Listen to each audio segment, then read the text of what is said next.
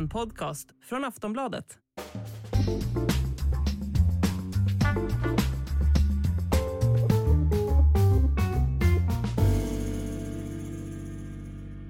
Ja men alltså välkomna till eh, Sportbladets VM-podd där vi ska fortsätta vår gruppgenomgång. Vi har kommit fram till grupp C och grupp D. Med i studion finns Simon Bank. Nej, Bonjour. säg inget, säg, säg inget för allt i världen. Och, och eh, Makoto eh, som vanligt. Hola! Ehm, grupp C hittar vi Argentina som jag har höga förhoppningar på eh, i det här mästerskapet. Vi hittar eh, Mexiko, Polen och Saudiarabien.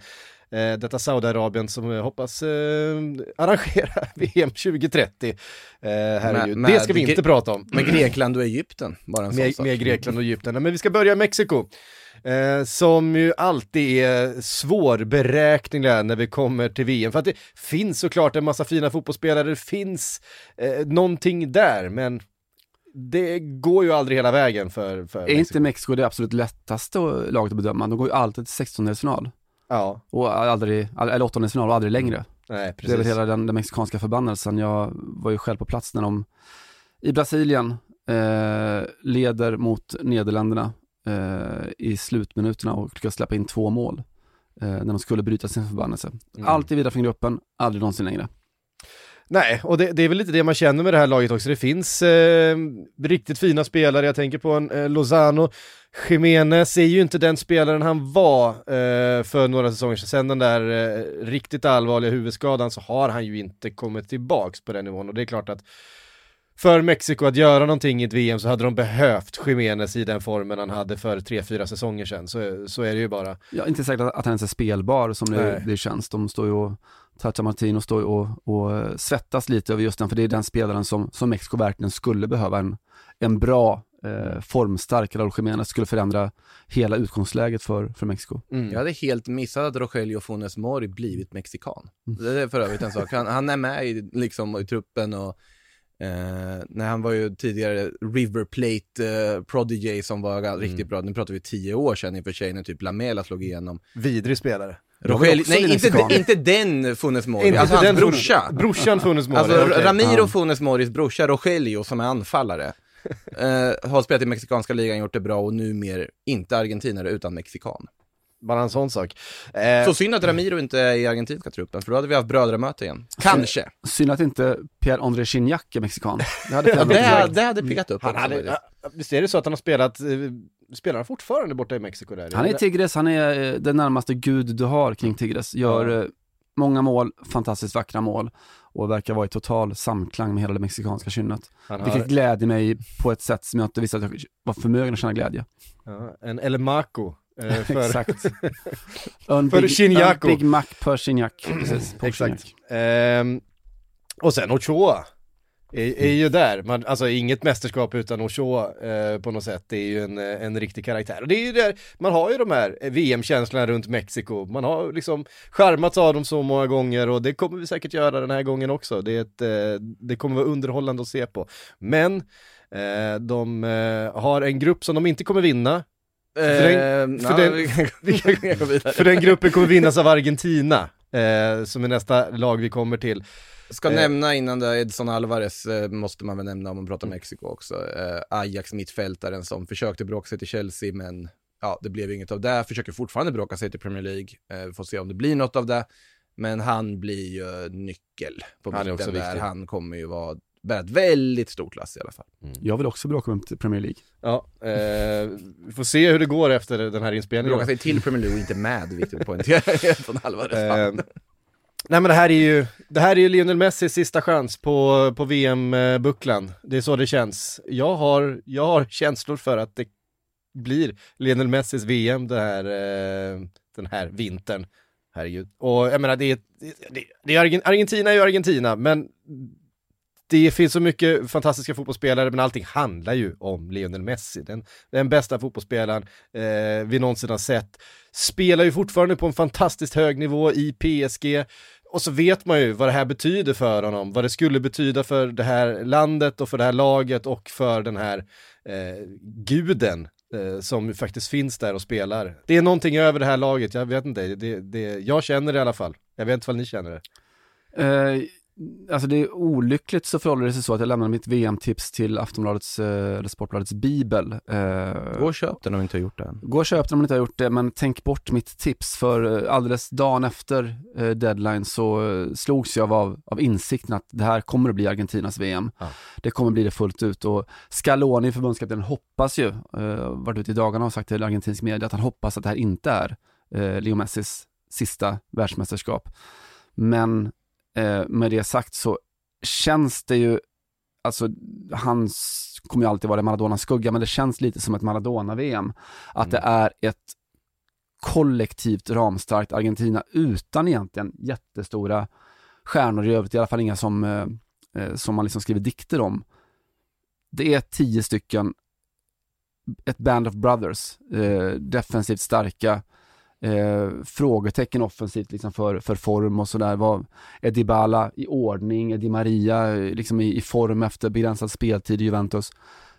Plus Lionel Messi. Det, Ja. det är så. Det, det känns som att det är upplagt eh, för det här väldigt sympatiska eh, argentinska laget. Ja. Och, sen, och de, de har ju de här karaktärerna också, jag menar, Emmy Martinez i mål, det, är- det, det är ju den perfekta målvakten i ett sånt här lag, för han, han, går ut, han går ut och dör på den här fotbollsplanen för det här laget. Han kommer, eh, han kommer kliva rätt in i vilken duell som helst. Är det ju i det här laget, och det finns ju den här eh, den här argentinska liksom hårdheten samtidigt som eh, det på ett sätt finns, som du säger, ett kollektiv i det här. Men det är så mycket, som bara, de kommer bära det där vattnet åt, eh, åt eh, Leo Messi och det är precis vad han behöver. Dessvärre ingen Lo Celso, men samtidigt, ja, Paredes, Rodrigo de Paul, alltså den Mm. typen av argentinska mittfältare. Du har typiska argentinska mittback, Otamendi är ju fortfarande still Ja. going strong, Lisandro Martinez har vi sett i United. Romero är där, viktig. Romeros Romero. elakhet, alltså nu pratar man Ah. om att Martinez är en elak målvakt så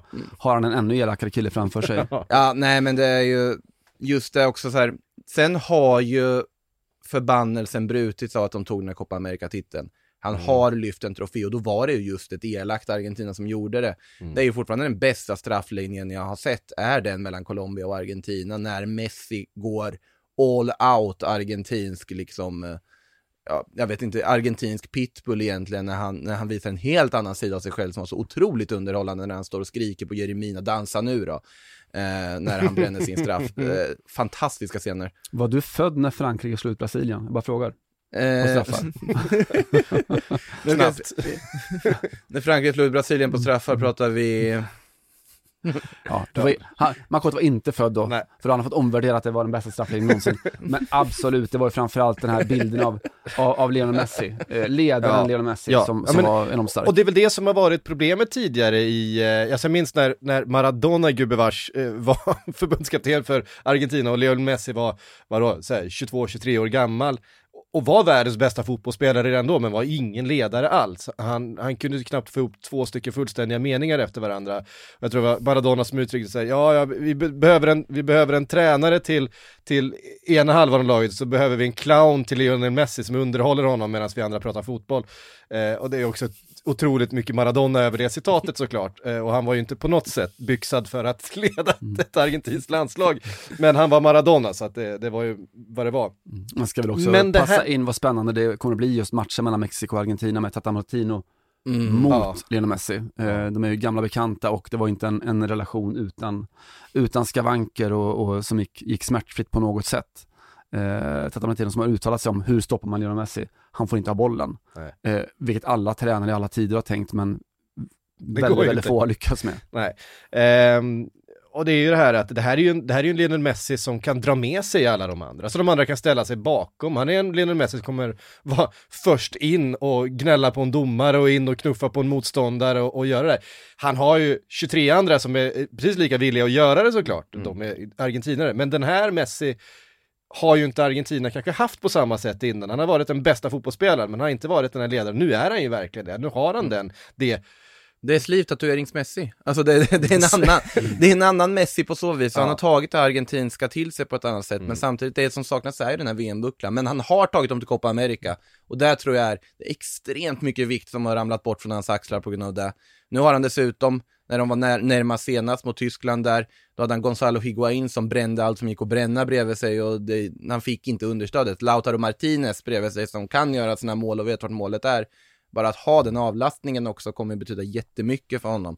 Eh, jag tror också på ett Argentina som går långt, kanske inte hela vägen men långt. Det är också en, en bild av ett, ett fungerande Argentina Mm. med, med Scaloni som också har med sig Ayala och Aymar såklart. Ja. Eh, det är ju det Argentina man vill ha, just den kombinationen av de beståndsdelarna på ledarsidan då. Mm. Eh, och jag tycker att laget är, är ganska likt det också. Särskilt om då Dybala kommer med och är, är i ordning. Mm.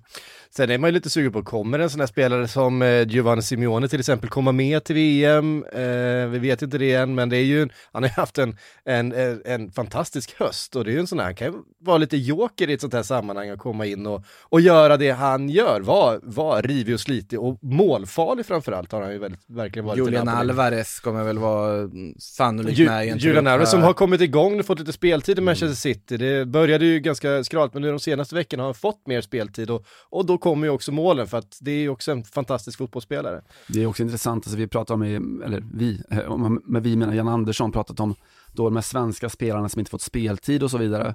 Eh, Argentina har ju haft lite samma problem, inte minst då med, med Juventus-spelarna med, Mm. med Paredes och med Di Maria. Eh, det är bara att det är på en annan nivå, de är på så oerhört hög nivå eh, fick väl spela nu senast till exempel då.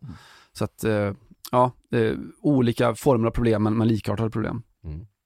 Eh, nej, det blir otroligt spännande att följa Argentina i det här mästerskapet. Det är som sagt, jag, jag, jag har känt det ett tag nu, men eh, det, eh, det känns som Argentinas eh, mästerskap där. Det ska bli väldigt spännande Man vill ju ha drömfinalen också. Man vill ju ha Argentina-Brasilien någon gång. Det, det Ja. kan ju bli, det, det, det kan ju bli. Kan ligga i ett visst tips också. Eh, i, ja, jag vet, du är inte den enda som har haft det, den, det, den det, finalen faktiskt. det är ju i- inte en unik spaning, om vi säger så. Nej, det, är- det- det, är inte- det är ingen skräll kanske om det blir. Ehm, Polen finns också i gruppen. Ehm, Polen som, ja, vi har träffat några gånger som eh, svenskt landslag de senaste åren. Eh, inte ett Polen som känns supersexigt. Det finns en Lewandowski där och han är ju målgaranti, så är det ju. Där bakom, jag vet inte, Zelinski eh, gör det bra i Napoli. Strålande i Napoli. Ehm, inte jättemycket mer eh, att hänga upp det på i, i form av stjärnglans i alla fall. Nej, det är väl så, alltså, Polen det är väl också lite, en, en, ett av de där landslagen där det är lite sista chansen för en, en, en generation och så. Den har väl passerat scenen på vissa håll, alltså jag tyckte att 2016 var ett, eh, ett oerhört bra Polen med Grosicki, med eh, ja, Glick som var väl bättre då, eh, Mm. Krikowiak för guds skull. Och det var ju ett, alltså Navalkas Polen var ett Polen som var mycket mer, tycker jag, vad säger man nu för tiden, framåtlutat. De Mm. gick ut och, och sprang igenom sina motståndare. Det här Polen är mer, eh, vilket vi vet allt om, eh, lite, lite mer reaktivt sitt sätt att spela fotboll och så är det väldigt mycket som, som hänger på Lewandowski. Och det är inte så illa såklart, att eh, hänga allting på Lewandowski är ju bättre än att hänga allting på de allra flesta andra eh, anfallare i världen. Ja, så är det ju. Då har ju Arkadiusz Milik som andra fjol där också som Ja. faktiskt visat bra form i Juventus och är också van vid att vara i ett lag som snarare är reaktivt än att styr matchbilden om vi säger så. Så att, Han är också van vid att vara andra fjol till Lewandowski. ja det där är han också absolut. Så att nej, alltså det är inte en jättespännande trupp. Alltså. Szczesny i mål, absolut en fantastisk målvakt. Har ju fortfarande Glick där i försvaret. Eh, Matty Cash, eller eh, Mattius Cash som jag tycker att han borde byta namn till egentligen, eh, Ja. på högerbacken där också som får spela. Så att det, Ja. Men det är igen så här, Matty Cash, han är en duktig fotbollsspelare. Det är ingen, även om vi tycker att det är kul med en, med en engelsman i det polska landslaget och så vidare och vi ser honom i Premier League och så vidare, så är det, en, det är ju en 3 plus-spelare liksom. Och han är definitionen av en 3 plus-spelare, egentligen. eh, sista, Men- ja, Polen kan lösa att gå vidare, det är också deras uttalade målsättning, att, att Ja. överleva till slutspelet. Och gör man det så är man ett lag i slutspel, defensivt balanserat, men med Lewandowski, det är inte en, en önskemotståndare för särskilt många lag. nej. De, de är, ska komma ihåg också, förra VMet var ju ett supermisslyckande för dem att vara utslagna efter två runder i en grupp med Colombia, Japan och jag var, minns inte så jag var Med inte Japan. Ja, till och med det, du ser. Eh, så att, uh, nej, de är ju pressade till och med faktiskt att försöka ta sig vidare. Det är en tuff grupp de har fått. Sist i gruppen hittar vi, eh, och sist på alla sätt och vis, hittar vi Saudiarabien för att jag tror att vi kommer sätta dem längst ner i tabellen också när vi summerar den här, det här gruppspelet. Det här är nog det laget jag har minst sämst koll på eh, inför eh, det här mästerskapet. Tittar du inte på när vi visade Al-Hilal i klubblags-VM här på Sportbladet? I? jag, såg, jag såg några minuter men jag la väldigt lite på minnet. Eh, visst, Al Hilal eh, gör mycket i det liksom asiatiska Champions League och så vidare men det är inte ett lag man eh, har speciellt bra koll på. Det är ett Saudiarabien som, jag vet inte, eh, det känns oerhört ointressant eh, om jag ska vara riktigt ärlig. Ja, ja och nej. Det, är väl, eh, det finns ju stora förhoppningar knutet till laget om vi nu liksom ser förbi allting som Saudiarabien är och, är och mm. står för. Alltså det, ja, det som talar för dem är att de är typ på hemmaplan. De är typ på hemmaplan. Och ju. typ på bortaplan samtidigt för Qatar och, Saudi, Qatar och Saudi har ju visserligen kommit överens nu för Bättre tiden. Bättre relationer nu än på länge. De, de har, har ju lyft eh, det här VMet eh, på senare år då som ett, ett, ett stort framsteg för arabvärlden. Kanske för att man förväntar sig en, en gentjänst sen när det, mm. det drar ihop sig till, till VM 2030.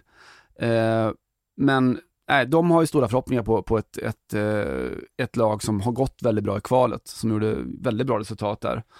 Eh, och sen så är det den moderna fotbollen som ju ger och tar. Jag har ju under många år drivit någon slags förälskelse kring Hervé Renard, eh, förbundskaptenen som charmade i alla fall eh, oss frankofila under sina år i Afrika med med Zambia framförallt, även med Elfenbenskusten. Eh, vacker som en dag och, och, begåvad och smart. Och som sen hamnar då som förbundskapten i, i Saudi eh, och tar, tar pengarna därifrån. Eh, men han är ju bevisligen en duktig eh, turneringscoach eh, och har då ett eh, ja, jag går naturligtvis på hörsägen, jag har inte heller suttit och, och för Y-scout fördjupat mig så jättemycket i Saudiarabien. Men de säger att det är ett, ett, bra lag och det har gått bra i kvalet. Så de hoppas ju på att, att göra det de gjorde 94 och gå till slutspel igen. Mm. Tufft i den här gruppen naturligtvis, men de kanske kan ta någon, någon poäng här och var. Ja. Alltså de, de är väl lite samma sak som Qatar egentligen om man tittar på truppen. Mm. Det som talar för dem är att de är väldigt samspelta. Det är många spelare som spelar i samma lag och är vana vid att spela med varandra. Du har en hel del rutin i vänsterbacken, Al-Shahrani till exempel, Al-Movallad. Det finns en del spelare som ändå har spelat på okej okay nivå. Sen en del om hur de har varit ganska desperata på att få ihop ett bra lag, bara det här när de skickade massa spelare till Spanien mm. på lån. Ett av de konstiga beslut ett land har tagit inför ett mästerskap när de skickar nio, nio saudier på grupplån till La Liga och en får speltid. Resten kommer machotränare till ett VM de inte lyckas i. Eh, men de, det finns en del spelare, sen är det väl ingen som håller den nivån som de spelare gjorde kanske 94 när man hade spelare som liksom Alo Vairan och så vidare som, eh, som imponerade då, men ja, det ska långt till att de löser det här. Och det kanske eh, låter lite banalt, men sen är det ju faktiskt ett lag också som är van att spela 35 grader värme, för att det kommer det vara. Jag eh, tror inte att det är en banal spaning, jag tror att det absolut kan betyda saker. Eh, men det sa vi 94 också. Och se hur det gick.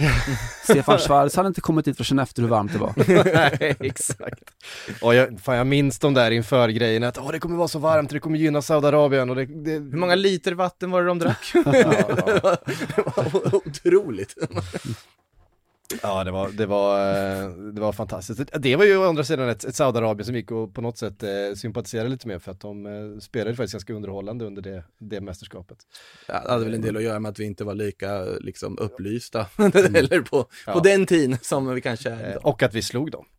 Det är också alltid en sympatisk egenskap. Eh, vi eh, ska strax lämna då eh, grupp C. Först vill jag ha ett tips. Hur slutar den här gruppen? Eh, Makoto, du får börja. Jag har faktiskt satt Mexiko 1, Argentina 2. Och det är bara för... Hoppla! Ja, men det är ju bara för att matematiskt få ihop Argentina och Brasilien i finalen. så då fick jag ju välja att lägga Argentina eller Brasilien som tvåa. Ja. Och då blev det så. och det kan ske sådana saker i ett mästerskap. Det kan det göra, absolut. Eh, vem, ja, det, det är de två som det handlar om, eller kan Polen smyga sig med där? Inte väl grupp C svårt att se. Jag tror att Argentina, som sagt, att det är deras VM och då, ja. då, det bygger väl på att de får ihop det från, från start på något vis och, och, och snubblar hem den här gruppen. Eh, och sen så rimligen så är det Polen eller Mexiko. Eh, och där grundar jag bara på att Mexiko gör det de alltid gör, det vill säga går vidare från gruppen och åker ut sen. Mm. Ja, nej, men jag, jag håller nog med, jag tycker att det här Polen känns för tråkigt för att eh, eh, jag vill inte ha dem där, jag vill hellre ha Mexiko, så att jag, jag väljer Mexiko som sagt. Jag, varit inne på samma sak, att det här är Argentinas eh, mästerskap. Jag inte det är ett väldigt svagt tips att bara flytta runt folk för att de matematiskt vill ha en viss final utifrån slutspelsträdet. Men... jag, tycker det, jag, jag, jag, tycker det är fullt rimligt. Men ja, som sagt, jag får säga skräll då. Mm. Ja, Sportbladets VM-podd är sponsrat utav Hyper.com som såklart har en massa eh, goa spel på VM-fotbollen. Och med för att eh, plocka fram russina ur spelkakan har vi såklart Steven Lee Holmdahl. Vi pratar grupp C och grupp D idag. Eh, och grupp C framförallt pratar vi om Argentina. Eh, och jag vet att du har hittat ett, eh, ett ett spel som kanske folk sitter och letar efter. Här. Ja, alltså jag vet väl inte kanske om man behöver vara någon speciellt bra spelexpert för att hitta det här, men Eh, Eh, precis som många andra så tror väl jag att eh, Leo Messi och Argentina har väldigt, väldigt bra chans att ta hem hela faderullan. De är ju på andra sidan trädet mot eh, huvudfavoriten Brasilien och där kan man väl säga att Brasilien har en svårare väg till final. Så är det bara. Eh, och Argentina då lite till skillnad mot tidigare år och så där, tidigare VM så har de faktiskt en backlinje som fungerar. Mittfältet kanske bara har fyra plus då, inte fem, men det har man Messi och Martinez och de där framme så behöver det kanske inte vara så där extra bra på mittfältet, utan ja, alla kommer nog vilja sluta upp eh, runt Messi och nu har de vunnit eh, Copa America och de, de, de har hittat någonting tror jag som eh, kan få dem att få lite edge över Brasilien. Så varför inte en final där då kanske? Och du spelar Argentina som vinnare, eller? Ja, yes. Och vad har vi för odds på det? Det var sju gånger pengarna. Sju gånger pengarna? Ja. Eh, det här spelet hittar du då såklart på eh, hyper.com. Och glöm inte att du måste vara 18 år för att spela. Och har du eller någon du känner problem så vänd dig till stödlinjen.se. Med det så tar vi oss vidare till grupp D. Eh, Simon, där hittar vi vad jag skulle säga är världens bästa landslag, trots allt om vi tittar spelare för spelare och framförallt gruppen spelare man har att välja Det går att ta ut eh, fyra landslag ur här, den här franska generationen som skulle kunna vara med och slåss om eh, VM-titeln. Det, det, är faktiskt så. Ja, jag, jag håller med att det, du skulle absolut kunna ha Frankrike D som, som spelar en VM-semifinal eller så, mm. eh, utan besvär. Det är ju om man ska liksom se på, på truppen de skickar, så jag såg någon, eh, någon sån här sociala medier-post eh, där någon hade, hade liknat truppen vid var en bild helt enkelt av ett, ett fullblod, ett arabiskt fullblod. Mm. Eh, en fullblodsfront, en fullblodssvans och däremellan ingenting. Eh, såklart byggt upp att... Eh, det är kanske lite, lite svagare på mitten. Ja, Pogba är borta, så, Conte är borta ja. och det är, alltså, vilket annat lag som helst hade ju bara lämnat VO i VM efter att ha tappat två så bärande världsmästare. Ja, ja, eh, Frankrike ska ersätta det med, med det som kan bli en dundersuccé eh, Chamonix och eh, blir Gendouzi kanske, möjligen, ja. Rabiot som kommer kanske bära laget. Man blir aldrig av med Rabiot. Nej, vilket ju är, det kan bli fantastiskt, det kan lika gärna bli ett nytt Knissna, alltså en, en spelarstrejk och, och, interna stridigheter och, och ett totalfiasko för Deschamps. Man vet inte. Eh, ja, när jag blev pressad på VMs stora fiasko så, så pekade jag Frankrike. Jag skulle lika gärna kunna säga att de är favoriter att vinna hela VM. Ja, det är lite det känns lite som eh, antingen eller. För det är också så här, det här är ett Frankrike som om de inte är framme och spelar semifinal, final, faktiskt gör ett fiaskomästerskap. Med eh, förra EM i åtanke, absolut så är det ju så. Jag vill slänga in ett annat namn på det här mittfältet också. Jag tycker att just man stirrar sig blind på Pogba, Kanté saknas, för det här är inget dåligt mittfält. Adrien Rabiot är vad Adrien Rabiot är, men han är fortfarande en ganska bra fotbollsspelare, i alla fall i ett landslagsperspektiv. Eh, Guendouzi är inte Arsenal Guendouzi mer, han är Marseille Guendouzi som har burit kaptensbindel och går omkring och bara är allmänt briljant. Eh, Fertou har också blivit en annan Fertou än vad han kanske var tidigare. Men framförallt så tror jag att du har möjlighet att spela Chouameni som kommer att ha en av de viktigaste rollerna överhuvudtaget egentligen. Vad är han, 22? Ja, alltså det är helt sanslös resa han har gjort från att alltså värvas för en miljard från Monaco, tänkt som andra fjol till Casemiro, sen blir United desperata. Plötsligt ska Chouameni hantera rollen som världens bästa defensiva mittfältare och ersätta honom i en regerande Champions League-mästare, har gjort det briljant under hösten. Plötsligt en Golo Kanté skada och ska Chouameni ersätta ett av världens bästa mittfält i världens bästa landslag, själv 22 år gammal, kommer nog också göra det briljant, för han har verkligen de egenskaperna. Finns också en Kamavinga. Exakt, eh, det är ju det. Jag vill ha Kamavinga där Ja. bredvid, och för de två funkar ganska bra tillsammans. Och Kamavinga är ett geni. Alltså jag, Ja. äl, jag älskar Kamavinga som fotbollsspelare. Han, han, han är så svår att, att, att greppa i, i sin... Han är ju i kaos sin, i, sin- i sin personifierad stil. på Ja, plan liksom. och du vet att, att spela central mittfältare, att vara ett kaos och, och vara framgångsrik, det är ju bland det, bland det finaste man kan Mm. vara. Ja, jag har en, en bra Kamavinga-story som eventuellt inte är tänkt för offentligheten, men vi kör den ändå. Eh, jag har ju eh, det he- hederfyllda uppdraget att sitta som, som Sveriges representant i den här Golden Boy-juryn, alltså där man utser världens bästa u spelare Eh, och när han då tog sina första steg i Rennes, eh, man får alltså göra en lista på fem namn. Eh, och jag hade med Kamavinga på, den, på min lista eh, och får ett, eh, ett svarsmail från, från juryns eh, ledare att är det okej om vi tar bort Kamavinga och sätter in den här spelaren istället? ja, för han var inte med i den, den breda bruttolistan helt enkelt. Eh, och det fick det väl vara. Men jag tyckte redan då att han var så, alltså 16 år och klev in och var så oerhört vuxen i sitt spel och hade en högsta höjd i sitt spel som var redan där, alltså Real Madrid-nivå i princip. Ja. Nu, nu kanske det här är ännu mer inte för allmänna öron, men vem ville de ha in istället? Alltså jag minns inte, jag får, jag får, kolla mejlhistoriken. Eh, det var i alla fall någon som var på listan och som väl var mer, eh, jag vet inte, ett mer household namn helt enkelt. Spanskt namn kan man tänka sig med tanke på hur de där priserna brukar delas ut. Och sen offensivt så finns det ju hur mycket som helst att välja på, men Olivier, Olivier Giroud har sett rätt bra ut den här hösten. Han, han kommer nog kanske spela där. Tillsammans Ja, med Mba. Mba, Mba, Mbappé och eh, Benzema och... Starta allt kommer man ju inte finns. göra, men han är ju ett jättebra truppkomplement att ha med. Ja. Eh, det är helt, helt rätt att ta med honom med tanke på vad han har betytt för det här landslaget, vad han har gjort och man, han levererar ju varje gång han är där. Deschamps älskar ju Giroud. Ja, förklarar jag själv. Ja. Är, han är nog inte ensam om det. Eh, men alltså när du har Karim Benzema tillbaka i värmen, Kylian Mbappé med sin inställning till saker och ting och eh, sin status, de två kommer ju spela. Sen är ju också Deschamps stort fan av Antoine Griezmann. Och jag tror Ja, och ska vara, för att i landslaget så är han ju också, Mm. lever upp till alla de här Griezmanns eh, värde, värdeord om liksom lojalitet, arbete. Mm. Eh, ja, det, han, han, är, han är fostrad i, i sitt Baskien och, och lever upp till alla de där kraven som ställs. Eh, och sen Giroud tycker jag är liksom kanske vår tids mest underskattade spelare. Alltså så oerhört liksom bespottad som han har varit i Frankrike och så oerhört mycket han har bidragit med. Inte bara i målen utan med hela sin, sin roll så eh, absolut, han kommer, han kommer göra minuter i VM också, han kommer säkert göra ett mål i VM också. Och sen där igen. Och sen där bakom finns ju dussin spelare som Kingsley Coman och eh, Nkunku och så vidare. Osman Dembélé. Osman Dembélé som, som eh, alla tre är genier eh, på det de gör. Nkunku är ju, alltså, jag vet- inte hur mycket speltid han kommer få i det här VMet, men får han speltid så, så kommer han kunna ösa mål också liksom. Eh, tycker det är en fantastiskt eh, underhållande anfallare att titta på för att det, det händer så mycket och det är så, det går så fort eh, allting han gör. Helt okej försvar har du också om vi ska va- vara sådana med. Verkligen. Eh, en trupp som petar eh, Ferland Mendy och det känns ändå rimligt. Det säger en del om, om bredden också. En trupp där, ja med den mittbacksuppsättningen de har med Varan, Saliba, Kimpembe, Konaté kommer ju med nu också. Ja.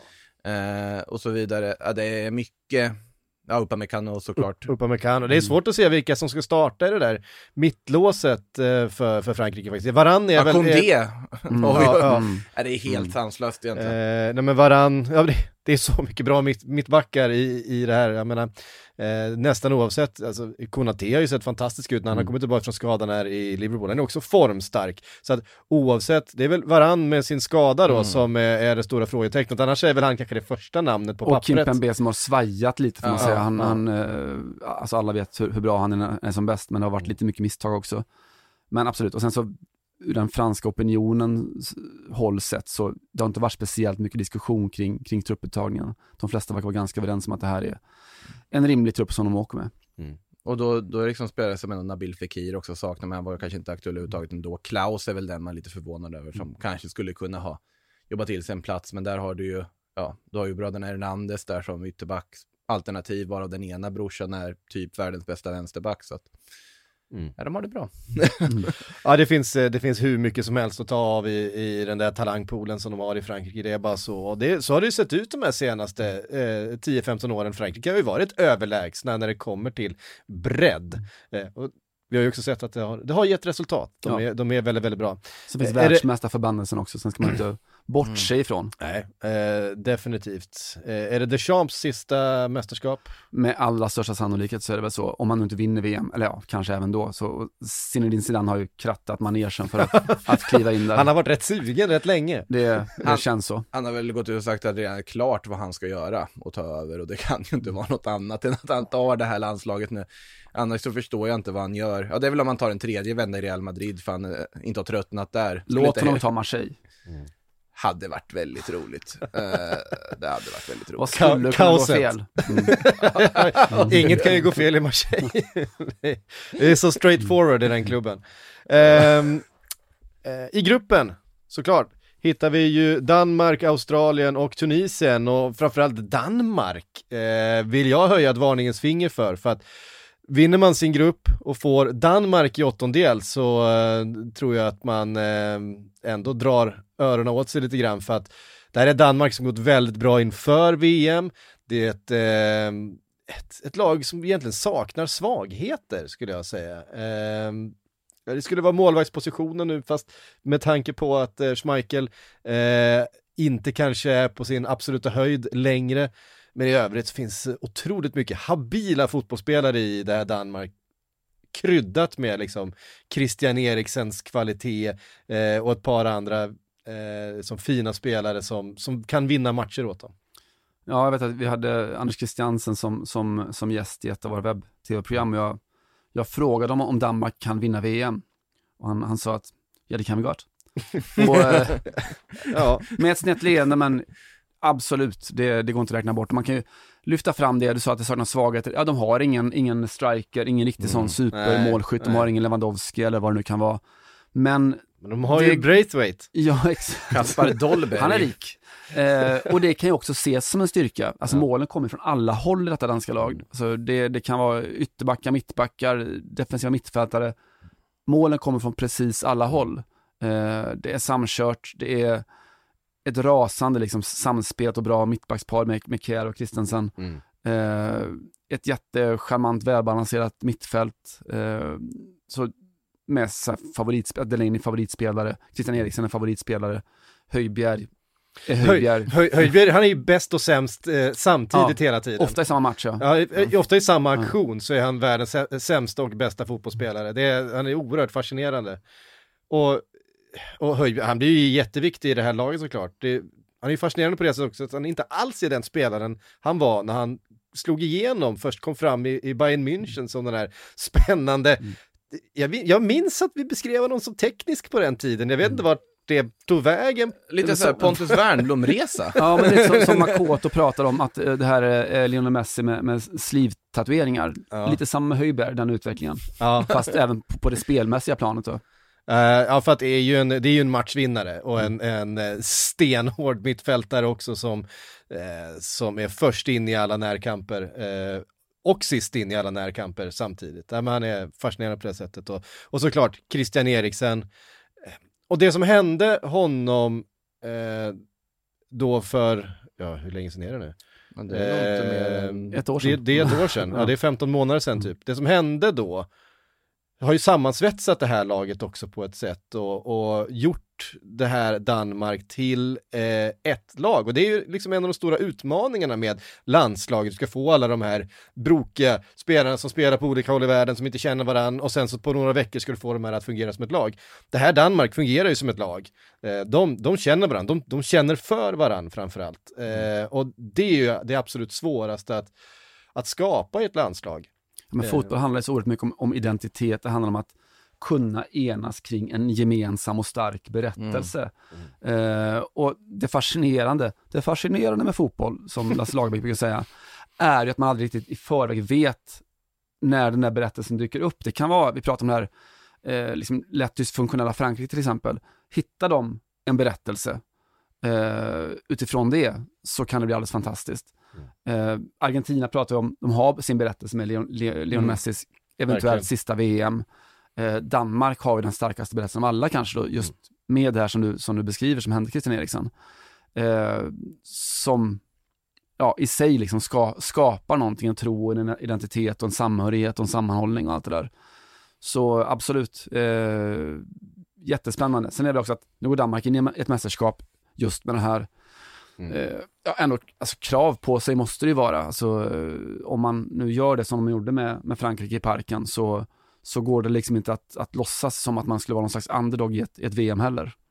Nej, nej de, de är ju definitivt, de är en outsider Mm. eh, skulle jag säga och det finns inget lag som vill ha Danmark i en åttondel. Eh, det är jag helt övertygad om. Eh, I gruppen hittar vi Australien.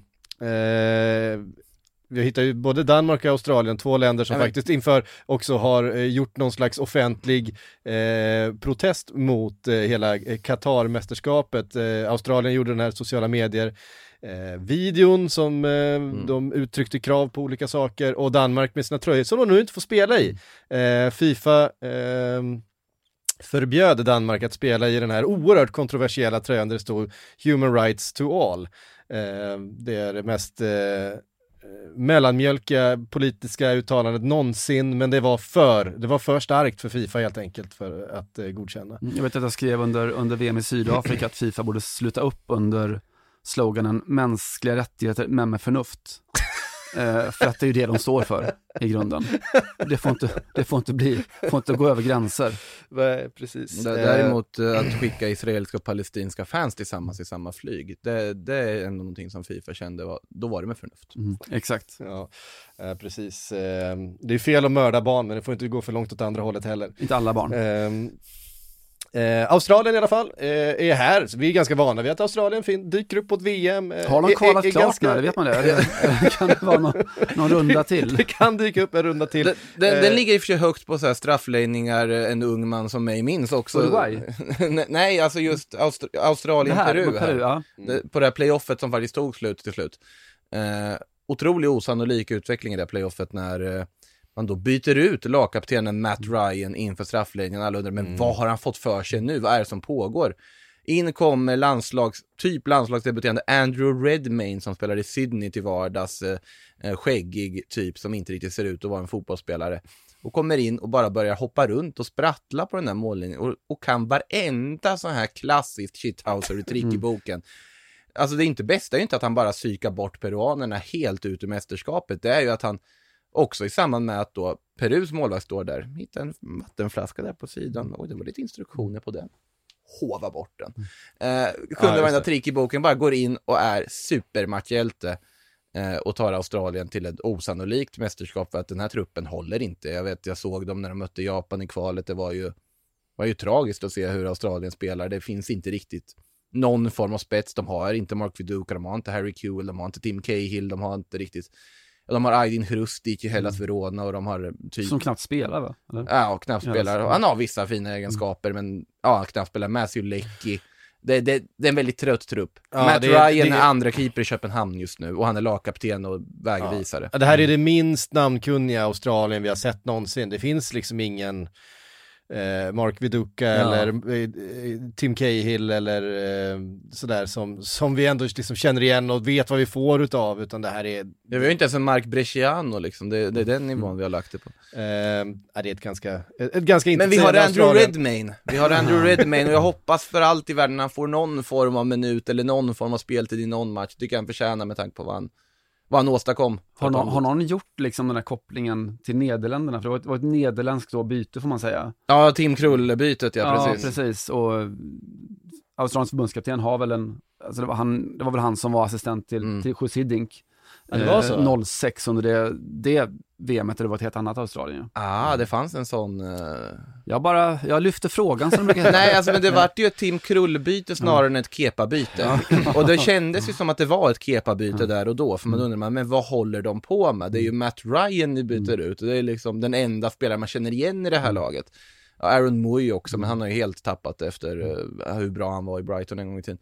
Eh, men ja, Andrew Redmayne hoppas jag får någon matchminut i alla fall. Det kan ska bytas in i sista matchen, eller vad som helst, bara att han får uppleva ett VM hade varit häftigt.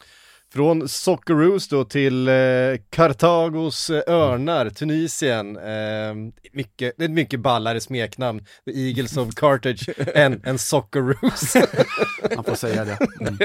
Eh, det, det, är det är den längsta, det längsta vi kommer i smeknamns eh, eh, coolhetslistan, det är eh, varsin ände på spektrumet.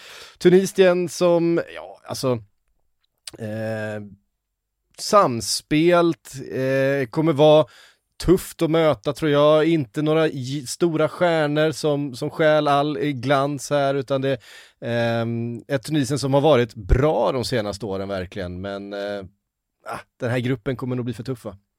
Ja men så känns det ju absolut och det är, det är väl ett typiskt eh, Maghreb, alltså nordafrikanskt eh, lagbygge också. Jag vet att när Algeriet spelade, eh, spelade VM och jag skrev någon text om att det var 17 av 23 spelare i truppen som, eh, som var franskfödd eller hade, hade dubbla medborgarskap. Här är det lite samma sak, att man har gett sig ut på, på en odyssé, eh, framförallt via Frankrike men även det är danskt fött och det är en Hollands fött. Mm. att, att det är så man jobbar, man får plocka upp de som inte är bra nog eller ja. vill vända hem till, till, till faderslandet på något sätt så nej, tuff, tuff grupp att hamna i får man säga. Mm. Ja, de hade väl haft en tuff grupp oavsett vart de hade mm. hamnat. Det är ju, det är som sagt, det är ett lag utan några större stjärnor. Det är ju Kazri som får bära ett stort last, det är Shkiri som får göra, bära ett stort last såklart. Eh, på tal om dans, det är Jebali, där har vi ju Odense. Eh, det är väldigt så här, för, för den yngre publiken som vill se alla stora stjärnor så är det alltid, med tanke på hur många stora stjärnor vi har i Afrika så är det alltid någon sorts besvikelse när Tunisien tar en av få platser för att det är ingen man känner igen i Tunisien liksom. Vem vill se Dylan Bron när man kunde mm. sett Mohamed Salah? Men det är ju just att det säger en del om Tunisien att de ändå tar sig till de här mästerskapen att utan stjärnor, mm. att de mm. har ett bra kollektiv, de har ordning och reda på saker och ting och, och kommer vara en tuff motståndare för alla som möter dem. Ja, eh, och så blir det såklart speciellt med Tunisien mot Frankrike. Eh, det är ju två länder som, eh, som har lite historia. Ja, det är den sorts match som man vill se i, mm. i Sydfrankrike, alltså en, en, en viss Parisförort eller i, i, när det hamnar i Marseille och så, för där kommer ja. det tutas, där kommer bilarna åka runt, där kommer det vara eh, ganska få franska eh, flaggor och ganska många tunisiska. Så ja, ja, det, är, det, och det, sånt där har ju en tendens att också synas på planen, för det finns ju också spelare i det franska landslaget med, mm. med tunisisk eh, koppling till exempel. Eh, om vi tippar då, grupp D, eh, vi sätter väl Frankrike högst upp eller är det någon annan som har Danmark hela vägen upp?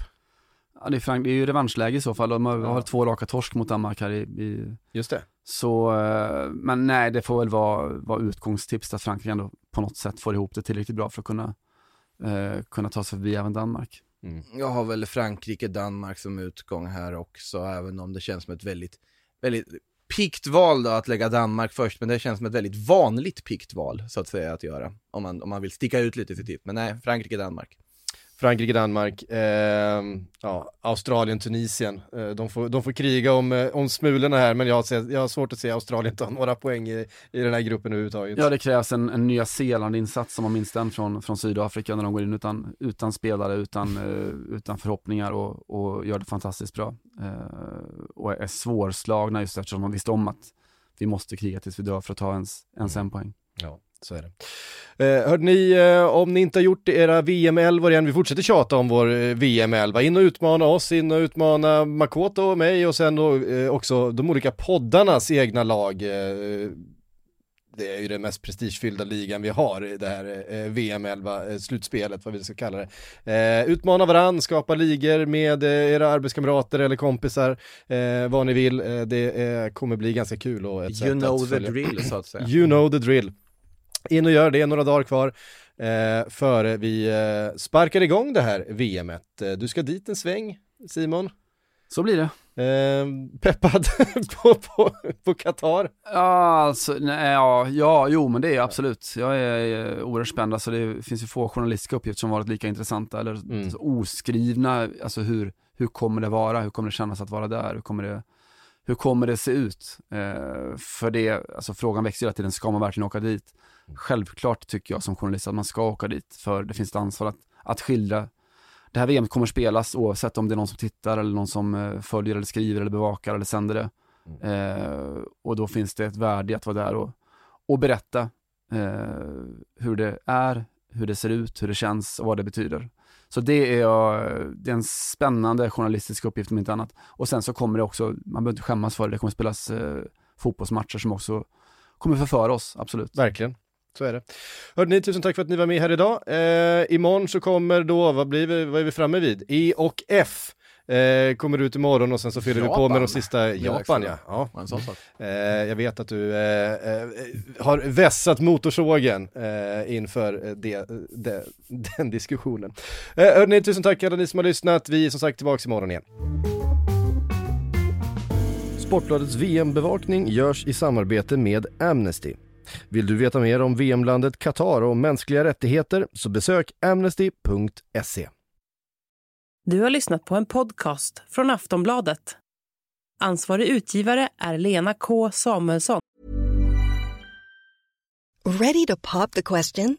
The jewelers at BlueNile.com have got sparkle down to a science with beautiful lab-grown diamonds worthy of your most brilliant moments. Their lab-grown diamonds are independently graded and guaranteed identical to natural diamonds, and they're ready to ship to your door. Go to Bluenile.com and use promo code LISTEN to get $50 off your purchase of $500 or more. That's code LISTEN at Bluenile.com for $50 off. Bluenile.com code LISTEN.